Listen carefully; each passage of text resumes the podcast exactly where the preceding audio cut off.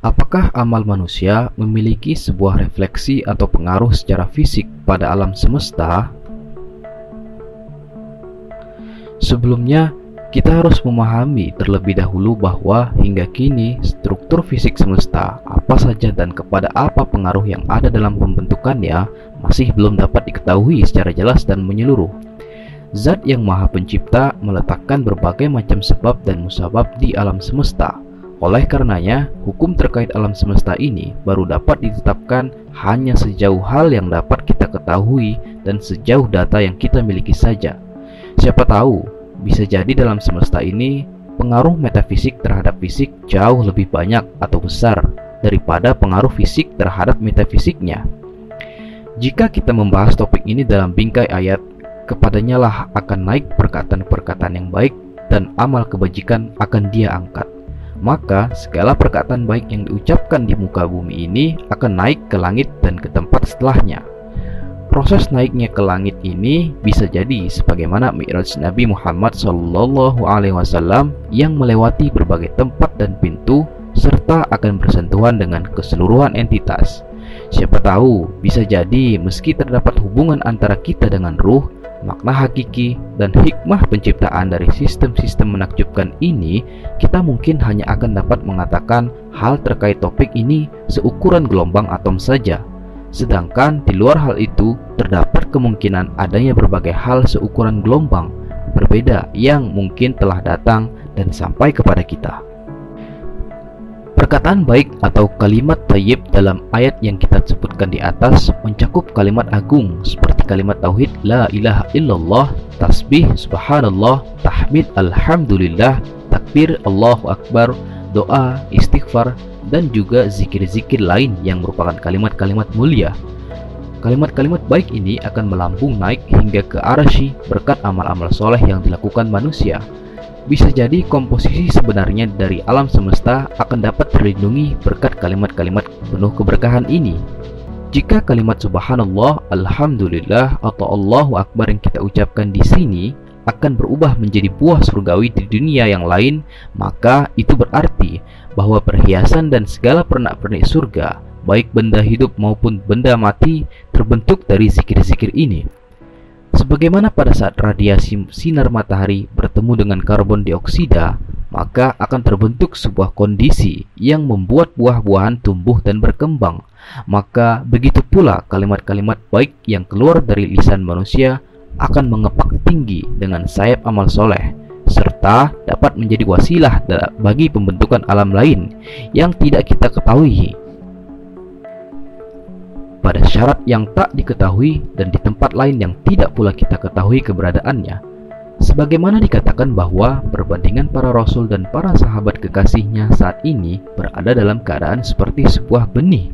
Maka, jika memang demikian, meski kita tidak mengetahui bagaimana bentuk dan cara kalimat-kalimat yang keluar dari lisan kita ini akan naik menuju alam sana, tapi yang pasti, kalimat-kalimat baik dan amal-amal soleh kita tersebut telah memenuhi kriteria untuk dapat menumbuhkan, mengembangkan, dan mengungkap keberadaan benih-benih tersebut. Segala sesuatu yang hakikatnya terdapat pada lauhul mahfuz terrefleksikan pada alam mitsal dengan simbol-simbol tertentu. Maka dari sudut pandang ini, segala macam hakikat dalam ayan sabitah yang terrefleksi pada alam hakikat akan terbentuk sesuai karakteristik alam ini. Segala sesuatu yang terrefleksi pada mata seorang ahlullah dan sesuatu yang tersaji pada pandangan kita saat mimpi merupakan hakikat yang disajikan pada pandangan kita dengan serpihan-serpihan tertentu yang bertabrakan dengan ayam ayan sabitah disampaikan dengan motif-motif sepanjang ini. Sebenarnya, ini bukanlah hal bentuk aslinya. Oleh karena itu, seseorang yang melihat sesuatu dalam mimpinya bahkan bisa mengetahui pada alam yakozah adalah salah ketika ia menyampaikan hal-hal tersebut seperti apa yang dilihatnya itu. Karena hal-hal tersebut mukoyat atau terikat pada kondisi atau posisi yang mereka lihat. Ya, yang pertama, hakikat Ayan sabitah yang kita bahas di atas merupakan sebentuk refleksi hakikat lauhul mahfuz pada alam mitsal dan penglihatan kita pada hal-hal tersebut terhalang tirai Sementara yang disaksikan oleh para waliullah sebenarnya adalah hakikat-hakikat dari hal itu.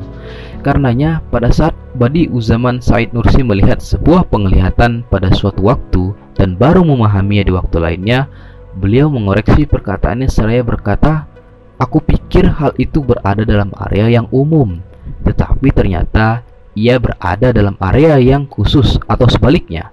Kupikir hal itu berada dalam area yang khusus, tetapi ternyata ia berada dalam area umum. Ketika Imam Rabbani dalam sebuah keadaan ruhiyah semacam ini, beliau pernah berkata, Aku berharap agar di akhir zaman kelak orang yang akan menyebarkan cahaya terkuat dan terakhirnya adalah diriku. Maka beliau menyampaikan pandangannya terkait perihal yang bisa melihat dan terlihat. Pada saat membaca maktubat karya Imam Rabbani terkait penjelasan-penjelasan semacam ini, Anda mungkin akan dengan mudahnya berkata, Wahai imam, mana mungkin orang yang serius semacam Anda mengatakan hal remeh semacam itu? Padahal sebenarnya pandangan itu disampaikan beliau dalam kondisi khusus, bisa melihat dan terlihat tersebut. Lagi pula, seseorang yang agung semacam Imam Rabbani tidak akan mungkin berbicara hal yang sangat berbeda daripada kondisi itu. Karena segala hal yang dikatakan dalam keadaan seperti itu, sebagaimana dari sisi kelogisan akal tidak dapat sesuai dengan penglihatan, maka tidak dapat juga dapat maka tidak juga dapat sesuai dengan penglihatan orang lain pula. Kesesuaian penglihatan di satu sisi merupakan sebuah tanazul rahmaniyah. Kabar yang disampaikan Rasulullah dan Al-Quran kepada para pengikutnya tentang suatu hal di masa depan tidaklah mendahulukan kenyataan, melainkan mendahulukan penglihatan. Misalnya, Bila disampaikan sebuah topik terkait pengetahuan seperti dalam setetes air terdapat atom yang berjumlah miliaran dan dijelaskan dalam bahasa keilmuan masa kini, maka orang-orang pada zaman dahulu tidak akan dapat memahaminya. Lagi pula, ini berarti kita menempatkan orang-orang tersebut dalam kontradiksi dengan hal yang mereka ketahui, yang tak satu pun dari kalamullah maupun para mufassirnya membuka kesempatan bagi terbukanya kontradiksi seperti ini. Dalam kondisi semacam ini, segala hal akan dititik beratkan pada penglihatan terlebih dahulu, sedangkan kenyataan akan datang setelahnya. Saat para nabi menyaksikan suatu hal maupun peristiwa tertentu, mereka menyaksikannya dalam bentuk yang jelas. Meski begitu, dalam hal ini juga ada keadaan tanazul namun jika dilihat dari kondisi para muridnya, bisa jadi menurut mereka itu adalah tanazul ilahi, tanazul nabawi, tanazul robbani, atau bahkan tanazul irsadi. Yang kedua, hakikat-hakikat yang terefleksikan pada alam mitsal ibarat bayangan dari lauhul mahfuz dan hakikat isbat, yakni setiap peristiwa yang terjadi pada tiap-tiap individu atau sebuah bangsa tertentu di masa sekarang akan terekam bagai pita film di sebuah alam dan semua ini terefleksikan pada alam mitsal. Penglihatan umum para waliullah merupakan penglihatan sesuai lahul mahsus dan alam isbat. Mereka melihat sebuah kabar gaib terkait sebuah hakikat. Lebih dari hanya sekedar memberi kabar tentang hal gaib itu, mereka bahkan memberikan keterangan tentang sebuah kenyataan yang berkaitan dengan lauhul mahfuz dan alam isbat. Orang-orang yang mengetahui kenyataan terkait lauhul mahfuz dan alam isbat ini bagaikan orang yang melihat sebuah tongkat yang dimasukkan ke dalam air yang diterpa sinar mentari dan terlihat patah di dalam air itu. Ketika penglihatan itu berpindah ke alam mitsal, maka bisa jadi mungkin bahwa penglihatan mereka juga patah. Hal itu karena penglihatan di sana berarti memunculkan kenyataan lebih awal.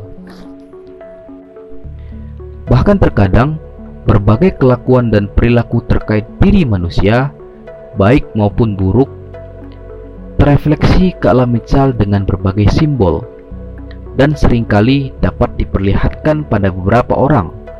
Karenanya, seorang waliullah akan berperilaku sangat hati-hati dalam hal ini dan berusaha untuk memanfaatkan apa yang tampak di depan umum, apa yang tampak di depan maupun belakang tirai. Mari kita ambil sebuah contoh.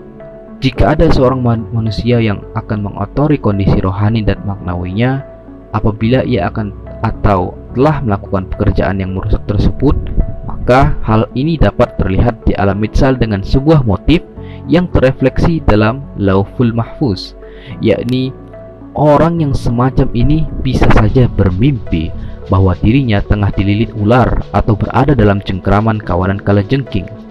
Misalnya, tentang dunia dikatakan bahwa dunia adalah bangkai dan pencarinya adalah anjing. Maka segala tampilan terkait dengan esensi di dunia di alam mitsal bisa saja berbentuk seperti sebuah kotoran.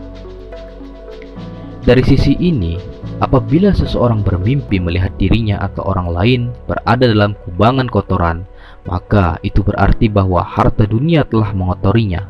Ini adalah sebuah mimpi, dan setiap mimpi memiliki aturannya masing-masing. Sebagaimana terkadang ia terefleksikan dalam bentuk simbol, terkadang ia juga terefleksikan dalam bentuk yang jelas. Mungkin apa yang dilihat adalah untuk membuat jijik dirinya, atau dasar hikmah tertentu ini maka ditunjuklah kepadanya dalam berbagai bentuk simbol.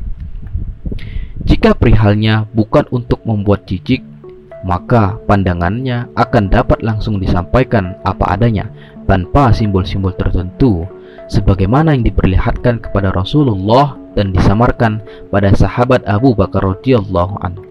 Pada saat yang sama, hal ini tentunya juga terkait dengan kondisi pribadi dan cakrawala pemikiran masing-masing individu.